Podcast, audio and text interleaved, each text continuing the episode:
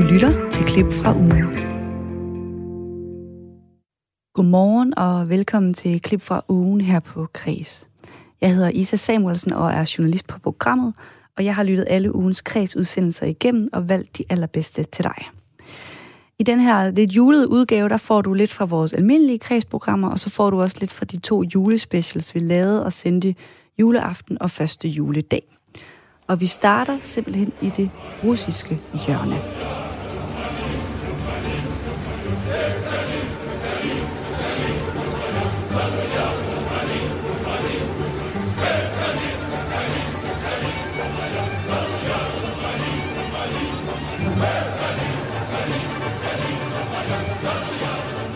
Ja, her kom vi lidt i stemning med en sang fra de store russiske sneklædte skove, den røde her spasser, som sang klassikeren Kalinka, for nu skal det nemlig handle om russisk og om oversættelsen til dansk. Den russiske forfatter Fjodor Dostojevski sidste roman, verdensklassikeren Brødrene Karamazov fra 1880, er et gigantisk værk, både fysisk og kvalitetsmæssigt.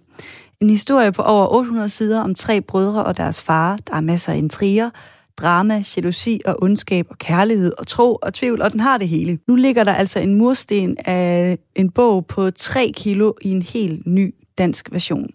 Den er udgivet af et lille forlag, der hedder Sisyphos, og de kastede for snart en del år siden oversætteren Marie Teslav ud i den her store opgave. Min kollega Rik Holin, hun har talt med Marie Teslav. Marie Teslav, hvor lang tid tog det dig at tygge dig igennem den her oversættelse af Brødrene Karamazov? Det kan jeg simpelthen ikke sige, fordi det er sket i små bidder. Så jeg kan ikke sige, hvor lang tid jeg brugte på selve oversættelsen, men jeg kan sige, at der nok gik en tre år eller sådan noget med det hele. Sådan vil jeg skyde på. Men jeg havde jo et job som leder af det Danske Kulturinstitut i St. Petersborg, som jeg skulle passe ved siden af.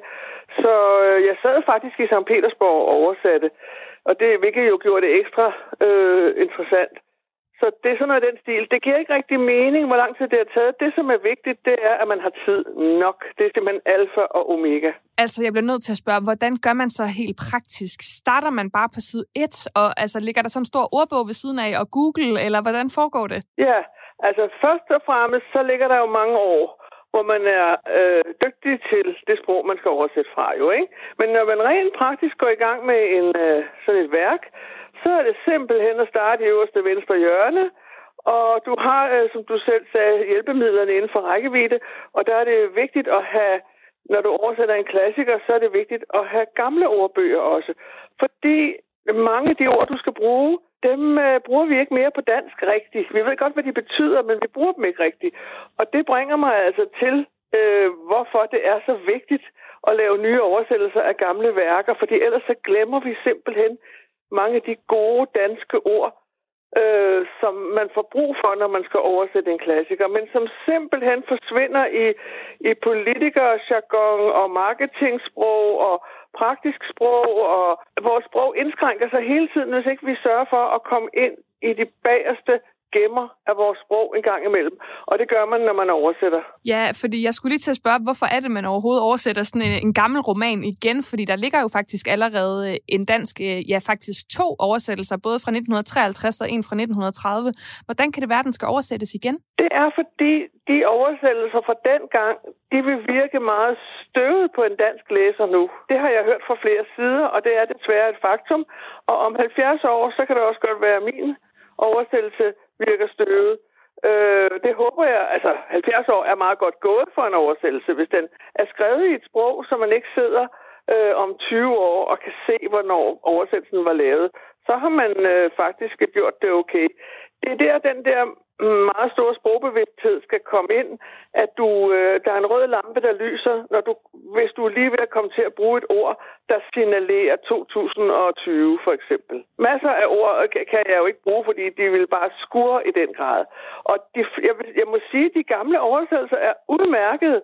Der sker bare noget meget, meget mystisk, som jeg ikke har knækket koden på endnu. Det er, at mens du kan læse Dostojevski, uden at han virker forældet, så virker oversættelserne af Dostojevski forældet. Hvordan kan det være? Jeg ved det simpelthen ikke. Altså, en del af forklaringen er jo nok, at vi oversætter, vi er ikke Dostojevski. Og en anden del af forklaringen, altså vi er mindre ånder, ikke? En anden del af forklaringen er, at Dostojevski har man jo læst løbende i Rusland. Så det vil sige, at man har trukket hans sprog ligesom med sig op til nutiden. Hvis du nu forestiller dig, at vi slet ikke havde læst H.C. Andersen i 100 år, så ville vi nok også synes, at han var svær. Eller hvis du forestiller dig, at H.C. Andersen oversat til russisk af en russisk oversætter, som måske var dygtig nok, men alligevel ikke var helt på H.C. Andersens niveau, så betyder det, at øh, 50 år efter, så vil russerne komme og sige, hold da op, den der H.C. Andersen oversættelse, den er, den er lidt støde. Vi, sætter, vi laver en ny, der glider mere mere let ind hos en nutidig læser, og dermed ikke være sagt, at teksten på nogen måde skal moderniseres. Der skal bare fjernes nogle af de ord, som gør, at folk stusser og synes, at det lyder mærkeligt. Det er sådan et restaureringsprojekt, og så vil jeg sige, at oversætte en klassiker til dansk, det er i den grad en, en, en styrkeprøve og en gymnastisk øvelse og en stresstest, og virkelig at holde det danske sprog i form. Fordi du, du bruger det danske sprog på en helt anden måde, når du, øh, når du er tvunget til at overføre de ting til dansk. Hvis du siger en kage fra bagedysten, ikke? En meget, meget, meget kunstfærdig kage. Den ja. skal transporteres fra et fad over til et andet. Så kan det ikke nytte noget, at jeg bare lige klasker den over. Altså, øh, jeg får måske nok det hele med, men det skal jo ligesom, den skal jo gerne være lige så flot, som den var. Det, jeg skal som oversætter. Jeg skal flytte en meget, meget, meget flot kage med mange forskellige smage og ting og sager og udseende og ting, der skal blande sig på den helt rigtige måde den skal jeg transportere over på et dansk fad. ja, og så skal jeg lige forstå det rigtigt. Altså dit aftryk på øh, brødrene Karamazov, er det så, at du bærer kagen, eller er det, at du måske også putter noget lidt glasur på, eller det ved jeg ikke, putter nogle ekstra mandler ovenpå? Er der ligesom uh, mere nej, end det? der skal ikke være noget aftryk. Der skal ikke være... Aftryk er et godt udtryk, fordi det vil jo svare til at komme til at sætte en stor beskidt tommelfinger lige ned i en flot, øh, øh, i en flot øh, blomst eller sådan noget. Ikke? Der skal ikke være noget aftryk af mig. Folk skal ikke sidde og tænke på Marie Tetzlaff, når de læser Fjodor Dostojevski. I gamle dage kan det godt være, at oversætteren skulle være en lille smule også en slags formidler. Hvis nu det var fra et meget eksotisk land, så kan det godt være, og som Rusland jo også er, øh, at oversætteren har følt, at, at vedkommende skulle hjælpe lidt på vej og sådan forklare lidt ekstra, og, så man var sikker på, at danskerne forstod. Og jeg ved, at i sovjettiden, der var det meget sådan russiske oversættere, arbejdede. Fordi landet var jo så lukket, og hvis de skulle oversætte fra en, for eksempel en, øh, en amerikansk forfatter, hvilket i sig selv var meget sjældent, fordi det var man jo ikke interesseret i, den form for, for dekadent indflydelse, så, så, så havde de meget frie hænder. Så skulle de bare skrive et rigtig godt russisk, og de var også nødt til at glatte hen over ting, som blev betragtet som lidt for vågede, sådan rent uh, seksuelle ting eller sådan noget. Der har jeg så haft den udfordring, at uh, både Tolstoy og Dostojevski sådan set var ret antisemitiske, som russere jo altså var dengang, og til dels stadigvæk er. Så der, og de brugte sådan fuldstændig, uh, ligesom vi har N-ordet som man ikke rigtig kan bruge. Ikke? Så havde de også et ord, som ikke helt er politisk korrekt mere. Og hvad gør man der? Men hvordan er det så, man løser, når man kommer til den slags dilemmaer? Altså, du siger netop det her med, at man ligesom skal øh, øh, selvfølgelig være værket tro stadigvæk, men man skal også opdatere det til nutiden. Når du står i de der, hvad skal man sige, dilemmaer, hvordan løser du så den opgave? Så løser jeg det ved, at jeg heldigvis, øh, der er det vigtigt, at jeg ikke kun oversætter sprogligt, men også kender konteksten. Så jeg kender vægten. Noget af det sværeste, det er jo for eksempel at oversætte slang og og uanstændige ting og sådan noget, øh, hvad der ikke er i, i de romaner der. Men der er det jo meget, meget vigtigt, at du kender vægten af det, af det bandeord, eller slangord, eller nedsættende ord på originalen, så du kan bruge et ord, der, der svarer dig til. Altså en klassiker er for eksempel, at vi danskere, vi siger fuck hele tiden om alt muligt, og det betyder ikke noget særligt i Danmark. Det er jo helt forfærdeligt, helt forfærdeligt stigmatiserende, hvis du siger sådan noget i USA for eksempel. Ikke? Der er sket en forandring. Der bruger vi bare et fremmed, et fremmed lands udtryk. Det er så en, anden, en lidt anden historie. Men du skal simpelthen vide, det her ord, er det meget slemt? Er det lidt slemt? Er det, er det meget latterligt? Er det, altså, det er bare et spørgsmål om også at kende konteksten. Det er sådan nogle masse små udfordringer, man har undervejs. Men de skal bare løses, sådan så læseren ikke stopper op eller stusser.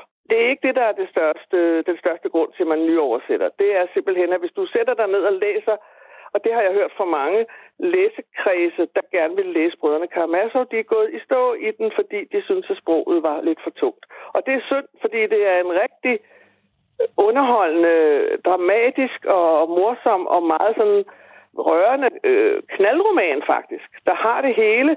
Så det er synd, hvis folk ligesom går glip af at læse den, fordi øh, de synes, den lyder for gammeldags. Fordi Dostoyevsky lyder slet ikke gammeldags for et russisk øre. Ja, nu nævner du selv, at han ikke er svær at læse på russisk. Det tror jeg, der er mange, der vil tænke. Måske er det, fordi at han skriver jo klassikere, men det siger du jo så, at, øh, at han faktisk ikke er. Så her til sidst vil jeg jo spørge. Man er jo simpelthen... Øh, man kan bare kaste sig ud i det, men hvis du nu skal sælge den her roman til nogen, som ikke kender til russisk litteratur, hvad vil du ligesom så slå på? Altså, hvad skal man kaste sig ud i de her 800 sider for? Altså for det første, så kommer man jo ind i en verden. Altså man er jo aldrig alene, når man læser en bog. Så man kommer jo ind i en verden, som er anderledes end den, vi kender, men samtidig befolket med nogle mennesker, som man vil blive fascineret af. Og så har den, rejser den jo nogle problemer, og altså, den handler om en øh, meget dysfunktionel familie. Den handler om tre brødre, som har en meget håbløs far. Og de to af dem er jo et halvbrødre. Og de er ret forskellige Øh, og de, de finder så hinanden øh, på baggrund af, at den her far, det, kan, det er vist ikke nogen spoiler at sige, han bliver ret hurtigt myrdet. Og den ene af brødrene bliver mistænkt for det. Og så øh, er der nogle kvinder involveret, og, og, og fattige mennesker, og nogle, øh, nogle religiøse, øh, et kloster øh, med en munk, øh, som er meget klog, og som de, øh, nogle af dem, en af brødrene er munk, og ej, men altså, øh, der er bare så mange forskellige øh, ting, der foregår, og noget af det er faktisk ret morsomt. Der er nogle forrygende dialoger, der er nogle meget flotte kvindeskikkelser, nogle sådan meget på hver deres måde øh, lidenskabelige øh, øh, kvinder, og så er det jo et indblik i en verden, hvor kvinderne jo altid bare altså, sad hjemme i deres huse, og så øh, sad de ellers bare der mere eller mindre, ligesom i de engelske romaner, om at vente på, at at mændene kommer og fortalte dem, hvad der skete ude i verden, og ellers måtte de så sørge for at få nogle ting til at ske ved at sende bud, og der er bare øh, underholdning øh, på drengen, vil jeg sige, og, og når den bliver kaldt en klassiker, så er det jo ikke i sig selv noget tegn på, at det er en svær bog, så er det bare fordi, det er en bog, der har vist sig at være så enormt god, øh, at man kan blive ved med at læse den, og man kan også læse den 10 gange i sit eget liv, og hver gang du åbner den og læser den, så er det en anden bog, fordi du er et andet sted i dit liv, og der er nogle andre ting, du lægger mærke til. Og det er der altså ikke ret mange svenske krimier, du kan med. Det var altså min kollega Rikke Kolin, der havde talt med oversætter Marie Teslaf, og det var altså forlaget Sisyphos, som har udsendt den her klassiker i en 2020-version. Og nu skal vi tale om filmen Love Actually, som fik premiere for første gang i 2003. For mange er det en juleklassiker uden lige. I filmen der følger man otte forskellige par og deres liv om, med kærligheden og sådan omkring juletid i London. Min kollega Karoline Kjær Hansen, hun er kæmpe fan af den her film. Og hun har talt med journalist Ane Kortsen, der er lige så stor Love Actually-fan, om hvorfor den her film den betyder noget helt særligt for hende. Jeg synes, der er mange grunde til det. Altså, øh, jeg kommer i et helt særligt julehumør af til Love Actually. Man bliver sådan... Øh, man blev mindet om, at julen handler om øh, kærlighed, og det der med, jeg bliver, jeg bliver sådan enormt rørstrømsk og nostalgisk, og jeg får lyst til at være ekstra sød og kærlig over for alle dem omkring mig, når jeg ser Love Actually. Altså, øh, så jeg ser den for at komme i det, i det helt rigtige julehumør. Øh, og så, øh, jamen så, så er det jo ligesom, det er jo sådan gensyn med sine øh, venner, og se den, sine gamle venner. Jeg elsker alle historierne, jeg kan godt lide, normalt så kan jeg ikke så godt lide sådan nogle flette historier, men lige Love Actually kan jeg virkelig godt. Jeg, kan, jeg, jeg, jeg har svært ved at beslutte mig for, hvad for en af historierne jeg bedst kan lide. Men, øh, men jeg, jeg ser den hver år for ligesom at blive genforenet med mine venner. Det er netop en masse forskellige kærlighedshistorier, som så hænger sammen på, på kryds og på tværs. Men noget, jeg tænker over ved den her øh, julefilm, som i min optik er sådan julefilmen nummer et, det er, hvorfor er den egentlig meget bedre end så mange andre julefilm? Altså, hvad er det lige, den her film kan? Øh, jamen, det er fordi, at altså, øh, som jeg sagde før, så bliver man jo Øh, man, man, man, man bliver enormt kærlig og glad af at se Love Actually. Den er jo, der er jo også andre julefilm, som er sjove og fjollede og sådan noget. Den er jo også sjov, men den, jo, men den, den formår jo med de forskellige historier ligesom at for mig at sådan indkredse essensen af jul, som jo er det her med at være sammen med dem, man elsker. Øh, det er ikke så meget alt det andet udenom, det er fint, men den, jeg synes virkelig, den, ja, den indkredser det vigtigste ved jul. Jeg ved, at du er særligt vild med øh, den afsluttende scene i Lufthavnen, og faktisk så er jeg særligt vild med den allerførste scene, som jo er identisk, mere eller mindre. Yeah. Øhm, det er også den scene, som binder hele filmen sammen. Jeg synes lige, vi skal prøve at øh, høre en lille bid af, hvordan det lyder.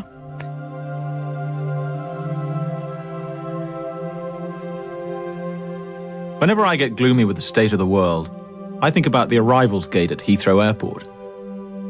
General opinion's starting to make out that we live in a world of hatred and greed. But I don't see that. Seems to me that love is everywhere. Often it's not particularly dignified or newsworthy, but it's always there. Fathers and sons, mothers and daughters, husbands and wives, boyfriends, girlfriends, old friends. When the planes hit the Twin Towers, as far as I know, none of the phone calls from the people on board were messages of hate or revenge. They were all messages of love.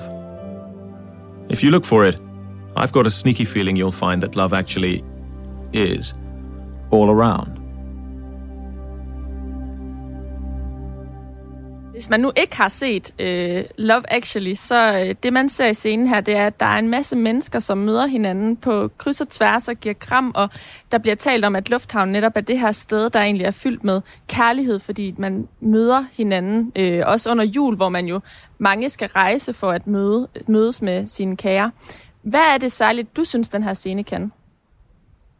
Jamen, jeg synes, det er så fint, at det er ægte mennesker. Altså at det tydeligvis er, øh, at det ikke er skuespillere, men at det er ægte mennesker, som, øh, som de har øh, filmet i lufthavnen. Og det er jo sådan en enorm genkendelig scene for alle, måske ikke lige for tiden på grund af corona, men den der øh, betingelsesløse glæde og kærlighed, der ligger i at møde sine børn, eller sin kærester, eller sin mand, eller sin kone, eller sine venner, efter man har været væk det er sådan en super øh, genkendelig følelse, som er meget øh, smuk og enkel, og som øh, går, går på tværs af kulturer og alder og ligegyldigt hvem vi er.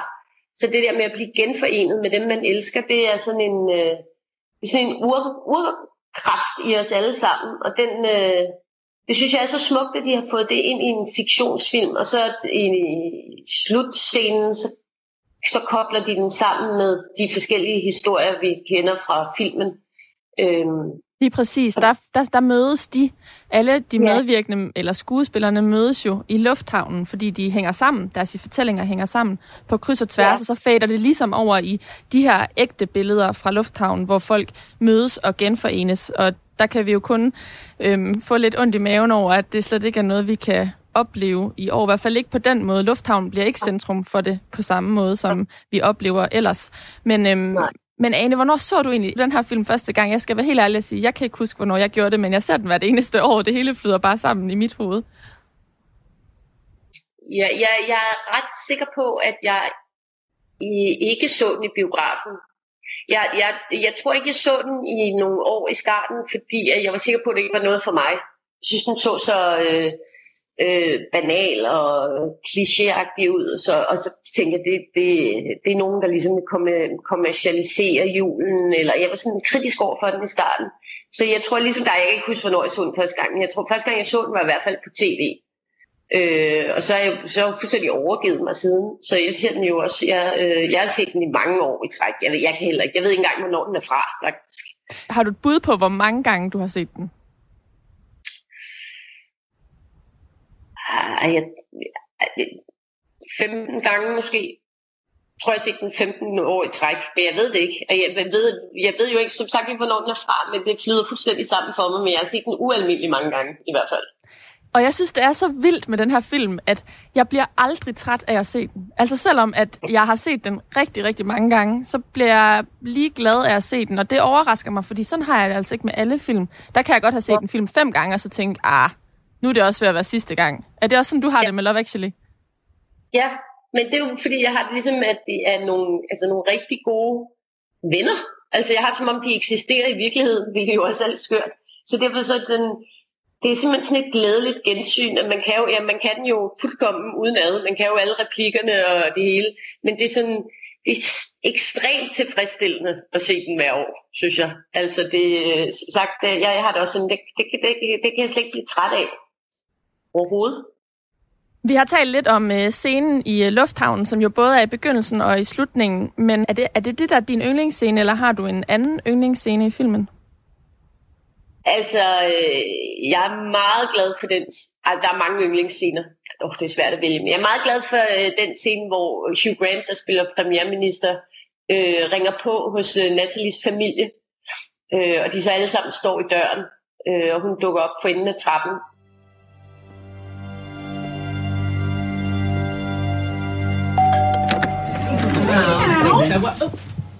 Ah, hello. Is uh, Natalie it? Oh, where the fuck is my fucking coat? Oh, hello. Hello. Um, this is my mum and my dad and my uncle Tony and my auntie Glyn. Very nice to meet you. And um, this is the Prime Minister. Yes, we can see that, darling. And um, unfortunately, we're very late. It's the school Christmas concert, you see, David. Ah. It is the first time all the local schools have joined together, even St Basil. Too much detail, Mum. Uh, anyway, uh, how can we help, sir? Well, I just needed Natalie on some state business. Oh, right, yes, of course. Right, uh, well, perhaps you should uh, come on later, Plumpy. Uh, Natalie. Well, listen, I don't want to make you late for the concert. No, it's nothing really. Keith will be very disappointed. No, really, it doesn't matter. The octopus costume's taken me months. Eight is a lot of legs, David. Hmm. Um, well, listen, why don't I um, give you a lift and then we can talk about this state business business in the car. Okay. Lovely. Lovely, yes. Og så der, hvor øh, Colin Firth han frier til den øh, portugisiske øh, rengøringskone. Øh, der kan jeg ikke, øh, den kan jeg ikke se uden ikke at begynde at græde. Øh, men jeg tror, at de to scener er dem, jeg holder mest af. Det er jo også to scener, hvor at, øh, de ligesom overgiver sig til kærligheden. Altså det, det er to par, du nævner her, som i løbet af, af hele december har kredset om hinanden og ligesom gået sig varm om, om, om grøden på en eller anden måde, og, øh, og, og så giver de ligesom ind til det og erkender, at de godt kan lide hinanden, og det er jo noget, som vi som seere kun har kunne se på fra sidelinjen, og ligesom øh, tænkt, åh, oh, sig det nu bare, sig det nu bare, og så gør de det Ja. endelig, og det er jo Ja. også det, der kan virke så forløsende på en eller anden måde. Øhm, Ja. Anne Kortsen her til slut, da jeg skulle, øh, vi besluttede her i redaktionen, at jeg skulle lave det her program, så var der en, der nævnte en artikel, som øh, er ret kritisk over for øh, Love Actually. Øh, den peger blandt andet på, at der er en øh, MeToo-scene. Øh, hvordan skal os, som egentlig elsker den her film, forholde os til den kritik, tænker du? Fordi jeg synes faktisk, øh, jeg har brug for at holde den ud i en strakt arm, fordi jeg synes, at det er en virkelig god film, der på mange måder også øh, er mangfoldig og rummer stor diversitet øh, i kraft af alle de fortællinger, der er med. Ja. Jamen, jeg synes, det er noget pjat. Altså, men det er jo... Øh, det må jo komme, når, en, når noget ligesom bliver ved med at være så populært og, øh, og elsket, så skal der selvfølgelig være nogen, der lægger et eller andet sådan kritisk blik på og øh, øh prøver at overbevise en om, at det ikke er en, øh, en politisk korrekt film. Altså, jeg kan slet ikke følge kritikken faktisk. Altså, jeg synes jo netop, øh, jeg synes jo netop, at alle historierne er, øh, er så fine. Altså, og den der MeToo-kritik, den, den er jo totalt malplaceret. Der er en MeToo-scene med den amerikanske præsident og Natalie, øh, som jo, øh, altså, som jeg jo synes bliver håndteret rigtigt i filmen. Så jeg kan slet ikke, jeg tror bare, man skal lade være med at læse, lade være med at læse nogle øh, artikler om, om den. Jeg tror bare, man skal se den og, øh, og holde af den, som man gør. Altså, øh, jeg kan slet ikke, jeg, jeg er slet ikke modtagelig over for kritik af Love Actually. Det er jeg heller ikke. Heldigvis. og øh, så kan vi jo kun opfordre lytterne til at sætte den på en øh, sidste gang, måske for den her jul, her den 23. december. Ane Kortsen, tusind tak, fordi du ville tage dig tiden til at tale med mig om altså en af mine yndlingsfilmer. Det kommer fra en, der virkelig ikke holder særlig meget jul ellers. Men øh, Love Actually, den øh, rammer i hjertet hver eneste gang. Jeg bliver nødt til at overgive mig til det. Jul, lige, den, lige de to timer og 15 minutter, når jeg ser den film. Ja, præcis. Det, ja. Sådan har jeg det også. Men det var en, øh, det var en fornøjelse at tale med en anden uh, Love Actually-fan. Sagde her Anne Kortsen om filmen Love Actually. Du lytter til et klip fra ugen her på Kres. Programmet, hvor jeg, Isa Samuelsen, vælger det bedste ud fra ugens kredsprogrammer til dig. Og hvis du tændte for din radio juleaften, ja, så kunne du høre hele vores kredsredaktion udfolde sig i radioen. Den består af mig, Isa Samuelsen, vores vært Rikke Kulin, og så mine to kollegaer Lene Grønborg og Karoline Kjær Hansen. Og juleaften, der anbefalede vi nemlig nogle af vores bedste skærmoplevelser for året, der er gået. Og den første anbefaling, den kommer fra min kollega Lene Grønborg, og den handler om en helt særlig og meget anderledes dyrepark i USA. Vi skal jo tale om øh, den her fantastiske dokumentar på Netflix, som hedder Tiger King, mor, kaos og galskab. Og øh, hvis jeg bare sådan lige kort skal forklare, hvad den handler om, så handler den jo om øh, ham her suejeren, som hedder Joe Exotic. Og bare det navn, ikke? Altså at have, have det som kunstnernavn, det er jo for det første helt genialt. Men han har altså den her øh, tierpark, øh, og øh, der er altså rigtig mange ting, der er helt forkert her. Der er både nogle øh, virkelig dårlige forhold for de dyr, men også for de ansatte. Og så er der så det magtdrama mellem ham og dyreretsforkæmperen Carol Baskin, som også øh, bliver ret dramatisk, kan jeg vel godt sige, sådan, uden at afsløre alt for meget. Øhm, men hvis man så spørger, hvorfor har jeg så lige taget den med i, i dag som en af årets skærmoplevelser, øhm, så står den sådan ret klart for mig, når jeg kigger tilbage på året, fordi at jeg så den øh, tilbage i foråret, øh, egentlig der, hvor Danmark var lukket ned første gang, og vi alle sammen var sendt på hjemmearbejde øh, og sad derhjemme, og jeg synes egentlig personligt selv, at jeg havde fået nok af at høre om og tale om og tænke på corona. Og så var det, jeg tændte for Netflix, og så var der den her fuldstændig sindssyge dokumentar, som jo sådan faktisk har titlen Tiger King, Mor, Kaos og Galskab. Og man, så tænker man måske, ah, det var da også lige en overdrevet undertitel, men det er det faktisk ikke. Altså, den er fuldstændig sindssyg. Og jeg tror bare, at øh, på det tidspunkt, så havde jeg bare brug for at se noget, der var lidt mere sindssygt, end det, vi måske selv stod i. Den er perfekt. Ja, det er virkelig sådan en kontrast til, hvordan man selv levede sit liv på det tidspunkt. Jeg havde sådan en rutine med, I ved, sådan spise havregrød, gå en tur, og så arbejde, og så bare sådan tænde for den der, og så bare se altså, den største kontrast til ens liv. Men jeg skal lige høre resten af panelet, fordi jeg kan mærke på dig, Isa, du i hvert fald også har set den her. Du bruger simpelthen ordet perfekt om Tiger King. Er det sådan, du vil beskrive den her dokumentar? Mm, jamen altså, perfekt, uperfekt, kan man sige det? Altså, fordi altså, alt der er jo ikke noget, der er perfekt. Nej, nej, men jamen, det er selvfølgelig rigtigt, men alt er jo galt, og det er jo, altså, den tager jo på en eller anden måde, øh, altså, det bedste ved reality-tv, og hvorfor det fungerer så godt, og det, det kan man jo synes meget om, men det er jo bare altså vanvittig underholdning, ikke? Og, sådan, og det der med at sidde og, og, og, og slå alle de der personer op, fordi man kalder det en dokumentar, men jeg har det også sådan, det kommer fra Netflix, og det kommer fra USA, hvor meget dokumentar er der så over, hvor meget skruer det lige op, ikke? Altså, Kardashians er også en dokumentar, så ikke? Men, men du ved, det er jo bare en sindssyg historie. Så jeg, jeg var fuld på, og synes også, at det var, ja, vanvittigt. Slugte det meget, meget hurtigt også, ja. Og så er det jo sådan, at jeg personligt er den opfattelse, at alle, altså det var i hvert fald den fornemmelse, jeg havde både på mine sociale medier, på Twitter og på Instagram, og med folk, jeg, jeg talte med eller skrev med, at alle, altså vidderligt alle mennesker har set den her øh, dokumentar, fordi at det var bare et must-see. Men Karoline, du har jo simpelthen, har jeg fået at vide, øh, det har du selv fortalt mig, været et modstander. Du har ikke set den. Hvordan kan det være? Øhm, jamen, det synes jeg er et godt spørgsmål. Et modstander, det er måske også lidt voldsomt, okay. tænker jeg. altså sådan, jeg tror, det er jo først gået op for mig, at det er vildt, jeg ikke har set den dengang, øh, eller i øjeblikket, som vi havde for nylig, hvor du reagerer, som du gør, når du finder ud af, at jeg ikke har set den. Øhm, I første omgang har det ikke været et øh, bevidst fravalg. Altså, jeg, jeg, øh, det, der er noget ved øh, titlen, eller det billede, der er, øh, hvad hedder det, sådan... Øh, der, der følger med titlen, øhm, coveret til, til serien, som ikke appellerer til mig. Jeg synes ikke, det ser øhm, vildt interessant ud. Og så har jeg jo så tænkt over, hvorfor synes jeg ikke det?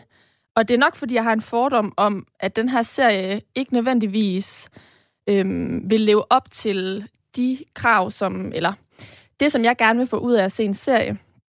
Og det er, at når jeg ser noget, så vil jeg rigtig gerne blive klogere på livet, på mennesket, på mig selv. Øhm, og der opfatter jeg nok den her serie som en, der primært underholder. Øh, og det har jeg stor respekt for, at nogle mennesker, de ser serier, eller læser bøger, eller går i teateret, eller lytter til musik for udelukkende at blive underholdt, eller blive taget væk fra hverdagen, en eller anden form for eskapisme. Men øhm, for mig, så øhm, det, der, det, der giver mig allermest lyst til at bruge tid på en serie, det er, hvis jeg har en formodning om, at det her det kan gøre mig klogere på livet, eller på mig selv og min egen eksistens. Man kan blive klogere på, hvor mange tiger, der er i fangeskab i USA.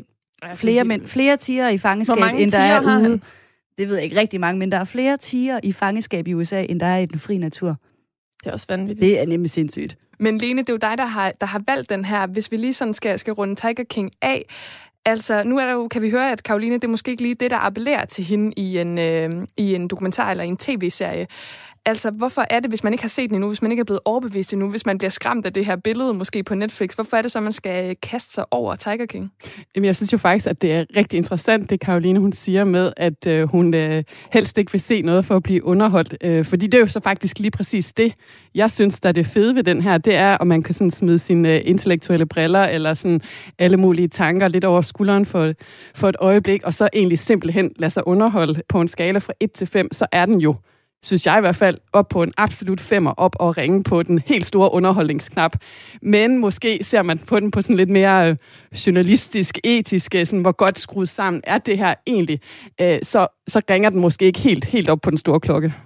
Og også min kollega Karoline havde en serieanbefaling med. Og det var en anbefaling, der delte vandene på redaktionen. Jamen, jeg har taget øh, intet mindre end øh, normale mennesker med. Og nu sagde jeg før, at jeg ikke har set så meget øh, skærm i, i år. Det er måske bare, det er faktisk forkert, fordi at jeg har bare set en serie, og det er normale mennesker.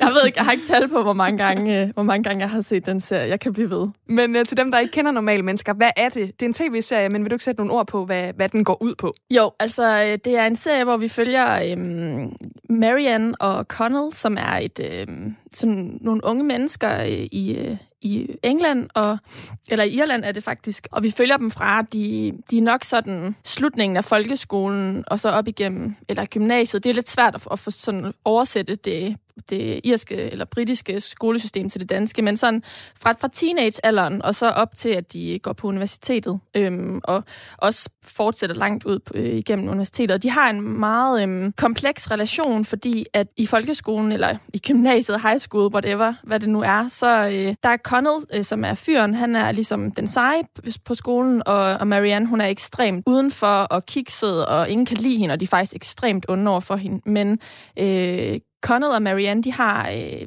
et form for bindeled, fordi at Connells mor øh, gør rent hos Marianne, og det er ret interessant det her, fordi Connell er faktisk sådan øh, relativt, øh, ikke fattig, men altså sådan underklasse i det her samfund, og Marianne, hun er sådan overklasse og bor på et rigtig stort øh, semipalads, eller sådan st- meget stort hus, øh, og har en mor, der har mange penge.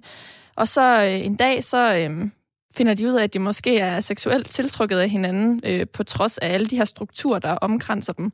Og det øh, forfølger dem simpelthen hele vejen op igennem, og de, de er sammen, og så de er ikke sammen. Og, og hele den her sådan udforskning af deres relation, og hvad kærlighed egentlig er, at det som sådan er hovedessensen øh, af serien.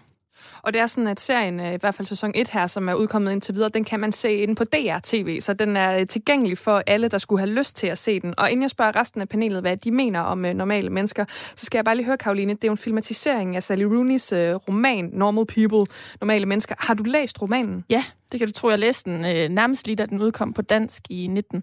Og hvordan var det så at gå fra at have læst den og så se filmatiseringen? For det er jo noget, der i hvert fald for mig tit er lidt sådan ømtåligt. Jamen, det var helt fantastisk. Altså, jeg må bare sige, at det er sjældent, jeg har det sådan her, men jeg kan meget bedre lide serien, end jeg kan lide bogen. Wow, okay. Ja. Hvordan kunne det være? Hvad var forskellen ligesom? Jamen, jeg tror, at øhm, bogen er i virkeligheden sådan, den har fået allerede sådan lidt øh, kult status, fordi man mener, at det måske er den næste øh, klassiker, fordi den sådan trækker, der er, nogle, der er nogle træk i bogen, som man kan sidestille med sådan en, som for eksempel Jane Austen. Altså, så Sally Rooney og, og Normal People kunne godt ske at få sådan en, en litterær klassiker status på sigt. Status på sigt. Øhm, og det er bare ikke nødvendigvis... Hmm, altså, jeg synes, den var interessant og god at læse, men jeg synes ikke, den sådan, den rørte mig ikke synderligt, men der er noget i den måde, som, som serien, altså som det er blevet transformeret på, som, som rører mig rigtig meget, og det er især, fordi der er nogle helt ekstremt lange scener, som jeg synes øh, gør, er enormt sådan virkelighedsnære og, øh, og, og giver plads til, at jeg som seer også øh, kan lægge betydning ind i de små detaljer, som man kan nå at opfange, når scenerne er så langtrukne, som de er. Der er jo blandt andet en sexscene på, på 9,5 minut, altså, så det er jo ret, øh, det er nogle meget langtrukne scener, og det, det synes jeg er vildt givetigt som, som ser, at, at jeg også kan, kan lægge min fortolkning ned over de oplevelser, som de står i. Lene og Isa, er det også øh, sexscenerne, som øh, står ud for jer i øh, normale mennesker? Jamen altså, øhm, nu har Karoline jo stået og talt den her serie øh, rigtig meget op, så nu synes jeg jo, det er på sin plads, at øh, jeg kan tale den lidt ned igen. Nej! Fordi at, øh, det er altså ikke øh, en af de serier, jeg har set i år, som jeg er allermest begejstret for. Det er ikke sådan, jeg vil sige, at jeg slet ikke vil anbefale den, men jeg er lidt lunken ved den. Og øh, jeg tror, det, jeg har lidt svært ved den, det er, at jeg faktisk har lidt svært ved at købe den der øh, præmis imellem øh, vores to hovedkarakterer. De er sådan hele vejen igennem, har de simpelthen så svært ved at finde ud af det. De har svært ved at få ting sagt til hinanden. Og jeg har faktisk en lille smule lyst til at tage dem op og ryste dem lidt. Jeg synes, de er så irriterende. Det synes jeg nemlig også, ikke? Altså, øh, og lige få dem til altså, at det behøver ikke være så svært. Og, øh, og jeg tror egentlig, fordi jeg bliver så irriteret på dem, så har jeg lidt svært ved at nyde det ellers rigtig gode skuespil, ja. som, som også er i serien. Ja. Jamen, jeg, altså, jeg må nok indrømme, at jeg er enig. Altså, jeg synes sådan set selve, ja, som Karoline også kom ind på, både skuespil, men også de lange scener, og for eksempel den her lange sexscene, synes jeg også altså, er skønt, og noget dejligt, øh, ikke poleret, når vi sammenligner med, hvad der ellers er til den målgruppe øh, på Netflix, med meget make-up og meget mærkelige fremstillinger af teenager. Men jeg tror, altså jeg sad også med sådan en fornemmelse af, jeg synes, jeg synes de er så irriterende. Altså sådan, jeg synes, at øhm, jeg synes den måde, de snakker til hinanden på, jeg synes, at, jeg synes, at de hver især opfører sig helt vildt røvet over for hinanden flere gange, øh, på sådan en måde, hvor jeg synes, at serien også lidt mangler at adressere. Altså for eksempel så får øh, den mandlige hoved som Conan får en depression på et tidspunkt, og det bliver bare sådan lidt glemt, og Marian, hun tror... Det fylder da mega meget, jamen, hun hjælper ham også igennem den. Ej, jamen, det, er, ikke, det er slet ikke den opfattelse, jeg får, og den der med, hun sådan tror, at alle mænd skal være nogle røvhuller, for at de, hun Fordi har du ikke har set det lige så mange gange som mig, Det kan godt være, at jeg mangler... Jeg, jeg synes bare, jeg fangede ikke alle... Altså, jeg synes bare, der var rigtig mange ting, hvor jeg sad og blev sådan det der, det synes jeg, altså sådan, altså det var jo, det er nogle vigtige emner, men jeg synes, de tog det op på sådan en måde, hvor jeg sad som, som, som ung person og tænkte, ej, sådan der er virkeligheden altså bare ikke altid. Jeg ved godt, den sikkert er det nogle gange, men jeg synes bare, den var så deprimerende. altså sådan, jeg blev bare virkelig... Øh, øh. Ja. Altså, jeg synes, det er skønt med lidt uh, uenighed her i panelet. Det klæder jeg, vil jeg sige. Og så kan man sige, så får man også et indblik i hverdagen på redaktionen. Ja, maskinrummet. Hvad tænker du om den her kritik, Karoline? Jamen, altså jeg kan godt følge jer altså, i, i den her sådan observation med, at, at øhm, de ikke er sådan nødvendigvis helt vildt søde ved hinanden hele tiden, og det også kan være frustrerende som ser og, og overvære. Men jeg synes ikke, at det er super virkelighedsfjernt. Altså den måde, de ligesom kredser om de svære følelser på, skal, skal kæmpe for at få et sprog og give sig hen til øh, de reelle følelser, som de egentlig har, oplever jeg som enormt virkeligt. Og altså, det skal lige siges, at bogen i sin tid, da den udkom, der skrev øh, politikens øh, anmelder, øh, litteraturredaktør, der som er også anmeldt bogen, øh, Jestein Pedersen, som er altså en helt anden generation mig, meget ældre, at han, han synes, den var helt fantastisk, og det undrede mig rigtig meget. øh, det var i hvert fald det, der, der gav mig lyst til at læse bogen i sin tid. Øhm, fordi at han jo, altså der er noget essentielt i den her serie, som, som gør, at den taler til alle på tværs af alder.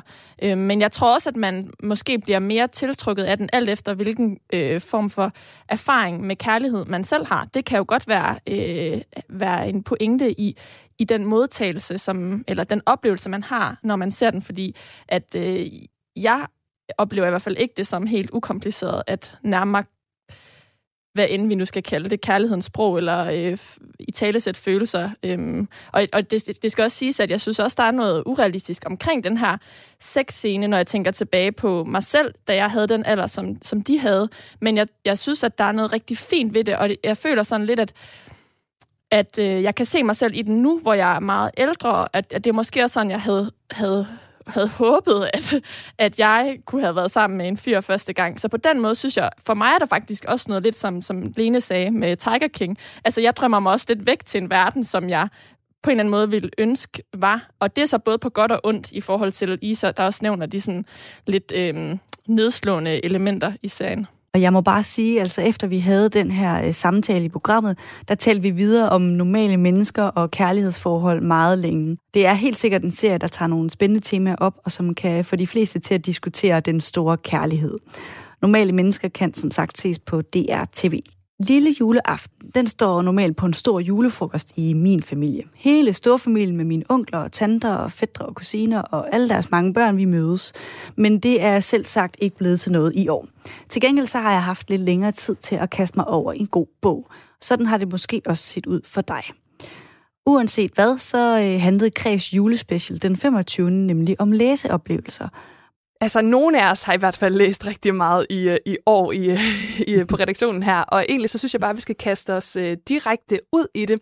Og jeg tænker simpelthen, at vi starter med dig, Karoline, fordi jeg kan, jeg må sgu være ærlig at sige, du er jo vores altså, læsehest her uh, på programmet. Ja, yeah. Det vil jeg gerne være. Den levende bogbus. ja. så derfor så tænker jeg simpelthen, at vi lægger ud med din... For jeg tænker, at du har haft virkelig, virkelig mange læseoplevelser i år. Så det, du har valgt, må jo være noget helt, helt særligt. Hvad er det, du har taget med til os i dag? Jamen, øhm, jeg synes faktisk ikke, det var svært at vælge, hvad jeg skulle tage med. Fordi der er en bog, som står særligt ud øhm, af alle de læseoplevelser, jeg har haft. Og øhm, det er Tine Høs Tour de Chambre, som udkom i maj, som er hendes øh, anden øh, bog, og nu kan jeg godt sige, at det er en roman. Øhm, Tine Hø, hun debuterede i 2017 med en øh, bog, der hed Nye Rejsende, som ikke havde en genre. Øhm, og så udkom hendes anden bog, Tour de Chambre, så her i år. Og det øh, er en roman. Øhm, når jeg har valgt den her bog, så er det fordi, den er øh, helt vildt interessant, både tematisk, men også formmæssigt. Og det er også derfor, at jeg nævner det her med genren øh, til en start. Øhm, hvis jeg lige kort skal fortælle, hvad den handler om allerførst, så er der ligesom to spor i bogen.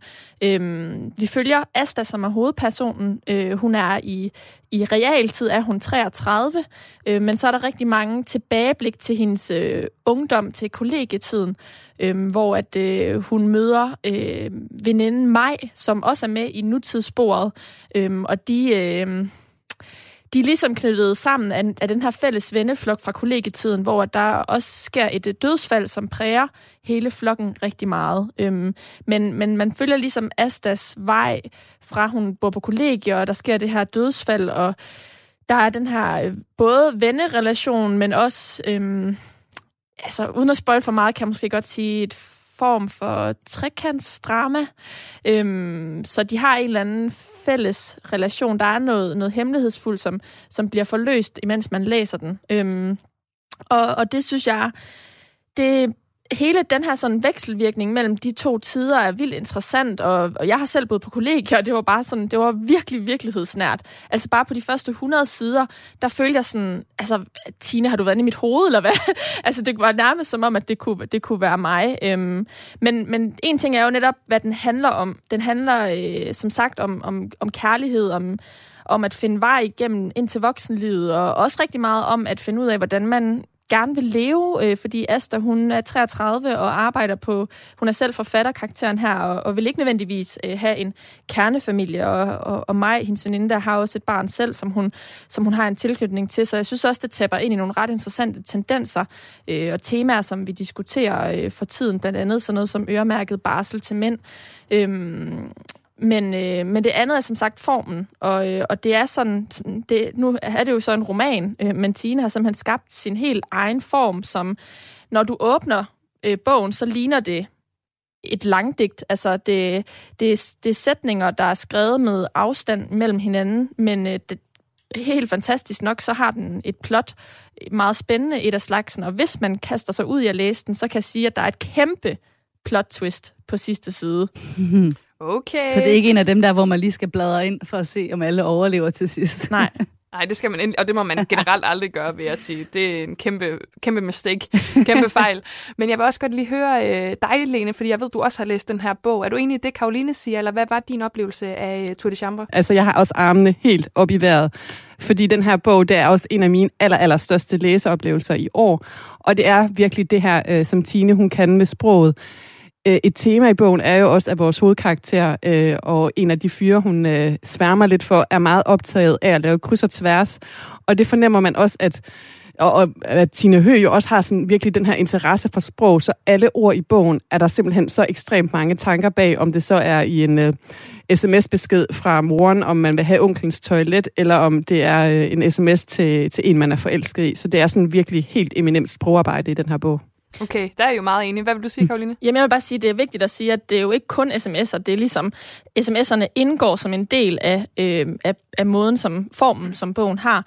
Øh, men man kan jo, jeg tror, alle kan, kan forstå det her med, at hvis du for eksempel har en, en uh, messenger- eller sms-korrespondence, så kan der ligge rigtig mange tanker mellem de to svar, der er. Og det er ligesom også det, som formen giver plads til, at man som læser kan gå ind og selv fortolke, når, man, når hun skriver det der hvad havde hun så tænkt lige før? Altså, der er jo rigtig meget, som ikke nødvendigvis bliver skrevet i en besked, øhm, som ligger imellem de der to svar, man kan give. Og så sidder jeg jo lige og tænker på, at øh, vi er jo meget forskellige på kredsredaktionen, og det er jo også det, der gør, at vi ligesom kan arbejde sammen og har vores forskellige områder. Og øh, jeg er helt klart en skærmtrold, og til dem, der hørte programmet i går, så øh, fremgik det også, at det er du også, Isa. Ja. Så du har jo ikke læst den her bog, Nej. men nu, øh, nu kan du høre de andre tale om den. Får du lyst til at læse den? Jamen det gør jeg da, altså, fordi det er jo egentlig ikke, fordi jeg ikke er en bogsluger. Jeg har simpelthen bare ikke gjort det i år. Det, det er helt vildt.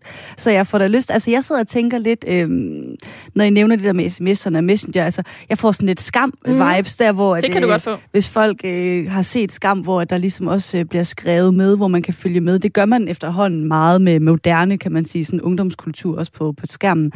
Øhm, og så er det jo sjovt det her med at sige, jamen, hvad ligger der øh, bag ved en sms eller en besked, fordi jeg kan da personligt sige, hvor mange af mine veninders sms'er, jeg har været forfatter til, uden at øh, dem i den anden ende, de ved det. Så der kan jo virkelig være, øh, altså, der er jeg en, virkelig en co-writer af en kaliber, øh, så det der med sådan, altså hvad der ligger øh, i de her små punktummer og forskellige emojis og smileys og sådan noget, uanset hvem man sådan skriver til, det synes jeg, der øh, lyder som en, øh, en, en fed måde også at tage det med ind i virkeligheden, det litterære univers. Det synes jeg lyder spændende. Mm. Ja, men det er jo, øh, jeg ved jo, at når Karoline hun anbefaler ting, så især når det kommer til litteratur, så er det altså noget, man skal lytte til. Så hvis der nu stadig sidder nogle skeptikere derude her til sidst, Karoline, hvorfor er det så, at man simpelthen skal kaste sig over Tine Høs øh, roman her? Mm, Det skal man, fordi at øh, det er den mest originale bog, der er blevet skrevet i Danmark i år. Jeg havde selvfølgelig også en boganbefaling med. Og jeg har personligt i år ikke fået læst ret meget, noget jeg faktisk er øh, træt af og har tænkt mig at gøre om i 2021. Men til gengæld så er den ene bog, jeg har læst, en bog, som virkelig handler om noget, som er ret vigtigt i verden, hvis du spørger mig. Vi er lidt over i øh, det, man måske vil kalde en light genre. Øhm, det er simpelthen øh, Orgasmebogen, som jo er en, mm, en satire, en satirisk tegneseries oplysningsbog. Kan man ikke godt kalde den det? Det synes jeg er Jo. rigtig fin Ja, beskrivelse. øhm, og den er altså vidunderlig. Det, må jeg bare, øh, det må jeg bare sige. Det er en, øh, en bog, øhm, som jo jamen, som simpelthen har form som, øh, som en tegneserie, og som øh, er skrevet og, og også tegnet af, hvad hedder hun? Øh, måske sige- Christine Tit. Christine Tit, ja. Det er det der efternavn, hvordan det udtales tit. Øhm, og den handler jo om... Øh, jamen, den handler om orgasmer. Øhm, og det, som jeg synes, der er vidunderligt ved den, det er, at, at øh, jeg læste den som øh, kvinde øh, slut i 20'erne, øh, tog den med hjem, efter vi havde haft den i programmet her i bogen, og altså græd af grin, og også sådan skammede mig samtidig, og blev sådan, gud, det vidste jeg heller ikke, eller ej, er det virkelig? Og det der med at kunne have en bog, der gør det, øh, det synes jeg jo er, er både øh, øh, dejligt, men også lidt tankevækkende, og egentlig også lidt skræmmende, at, at jeg som øh, 26-årig kvinde skal, skal opdage nogle ting øh, om mit eget underliv, hvis man kan sige det, øh, via en, øh, en tegneseriebog. Øh, for det havde jeg da nok egentlig lidt håbet, at den ting, den havde jeg ligesom, altså jeg havde kunne sætte flueben ved, ved hele det der område. Øh, så derfor synes jeg, at, øh, at, at man, skal, man skal finde den her bog, fordi den er både den er flot, og den er, den er, den er sjov, og så er den sindssygt informerende, og så tror jeg, at uanset øh, hvilket køn man har, så det her med at, at gå lidt på opdagelse og kræve sine orgasmer i virkeligheden, øh, det synes jeg er en sindssygt vigtig sag, og det synes jeg, den her bog den er med til at sende noget fokus på. Ja, og selvom, og du siger jo, den er, den er rigtig, rigtig sjov, men som du også siger, så er den jo også sindssygt informerende. Der er helt vildt mange helt vildt. facts i den. Ikke kun fun facts, men virkelig også altså interessante informationer, som man øh, altså, glædeligt kan dele ud af. Nogen, hvor jeg virkelig sad og tænkte, det siger jeg aldrig højt til nogen, men det vidste jeg faktisk ikke. altså, og det er jo, Hvad var det for eksempel? Jamen, nu, nu har mangler jeg jo bogen, så jeg lige kan finde, men der var sådan nogle billeder, altså, hvor de tegner, altså sådan selve klitoris, og så er der nogle historier om, øh, hvordan den blev opfundet, og hvordan man har forsket i den, og hvad der ligger til historisk baggrund. Og der må jeg simpelthen bare indrømme, altså der har min seksualundervisning nok ikke været særlig dybtegående, og så har jeg bare sådan go with the flow-agtigt, så jeg ligesom vidste, at jeg skulle vide til husbehov, ikke? Så der har bare været så mange ting, hvor jeg sådan, det, det er egentlig simpelthen ikke, at det, det fungerede på den måde. Nej, men sådan er det jo at være voksen. Det er jo simpelthen sådan, man lærer en hel masse ting, og så kommer man op i 20'erne, og så finder man ud af, at man skal aflære alt, man nogensinde har lært. Ja. Men det er også sådan, at øh, kvinden bag bogen, Christine Tit her, hun var i studiet her i øh, programmet den 29. september for at fortælle om, hvorfor at øh, hun skrev den her og øh, tegnede den her bog. Hvis jeg lige skal beskrive den her bog for øh, lytteren, så er det altså en tegneserie om en, øh, en kvinde, en kusse og en ekspert, som er taget ud på en øh, øde ø for at tale både om øh, sex og lyst. Og du har tidligere sagt, at du håber, at bogen her den kan være med til at skabe en øh, seksuel revolution. Har vi stadig brug for det her i 2020, eller er den egentlig kommet? Det synes jeg i høj grad, vi har brug for. Altså, nogle af de facts, jeg, der er jo masser af facts i min bog, og øh, noget af det, jeg har fundet frem til, det er, at rigtig, rigtig mange kvinder ikke kommer under sex. Og altså to ud af tre. Når vi har så høje tal på det, øh, så synes jeg, der er brug for, at vi taler om sex på nogle nye måder, og ligesom revurdere hele det her emne. altså, jeg kunne godt tænke mig at spørge dig, Lene Grønborg, for du har jo også øh, læst den her bog og kigget i den. Det er jo også øh, delvis en øh, tegneserie. Altså, har du ligesom revurderet dit forhold til, hvordan du har opfattet øh, kroppen og sex og orgasmer efter at have læst den her bog? Ja, jeg synes i hvert fald, øh, også som Isa er inde på, at det er en øh, virkelig, virkelig vigtig bog, som øh, både mænd og kvinder skal tage med hjem og læse. En anden ting, jeg er kommet til at tænke på, også øh, nu nævnte Isa seksualundervisning, og det er jo også noget af det, vi talte om, da vi havde den i programmet, at vi simpelthen herhjemme har en seksualundervisning, der slet, slet, slet ikke er up-to-date. Og det kan jeg i hvert fald genkende, at seksualundervisning, dengang jeg gik i folkeskolen, det var altså virkelig sådan noget med en banan og et kondom. Det handlede rigtig meget om penetrering, hvis man må have lov til at sige det her og i hvordan man ikke radio. blev gravid.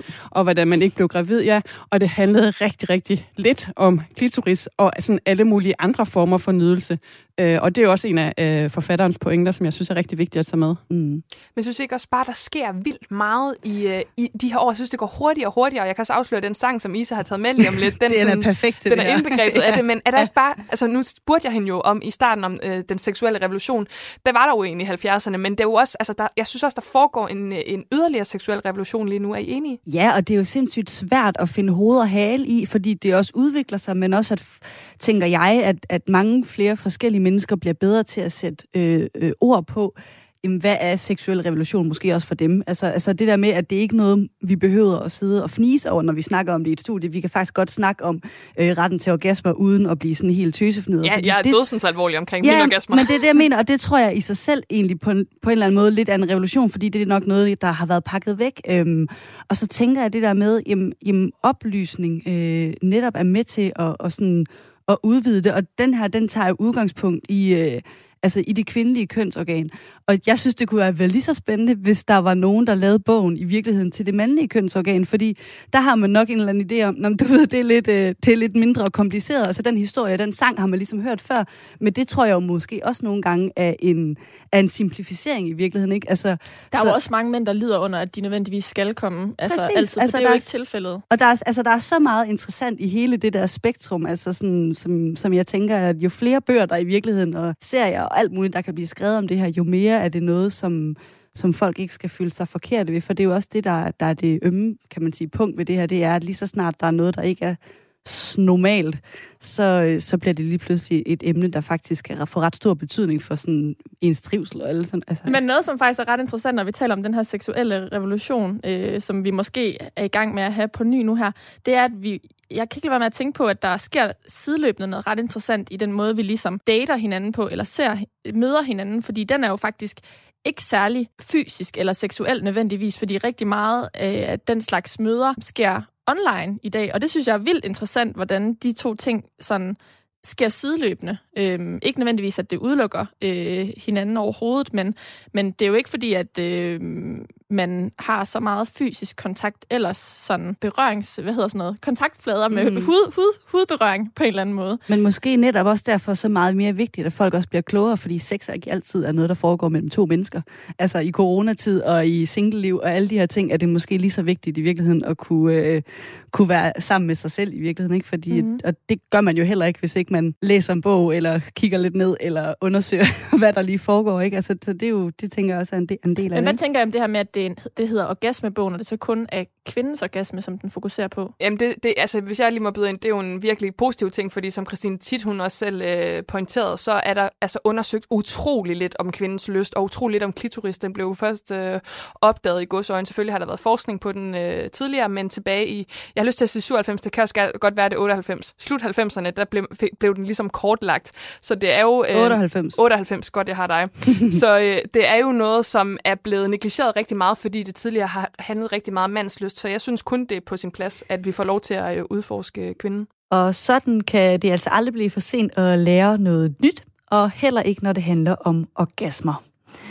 Det var alt, hvad jeg havde til dig i den her udgave af Klip fra ugen her på Kres. Jeg håber, at du har kunne lide, hvad du hørte, og måske har fået lyst til at lytte til nogle af programmerne i deres fulde længde.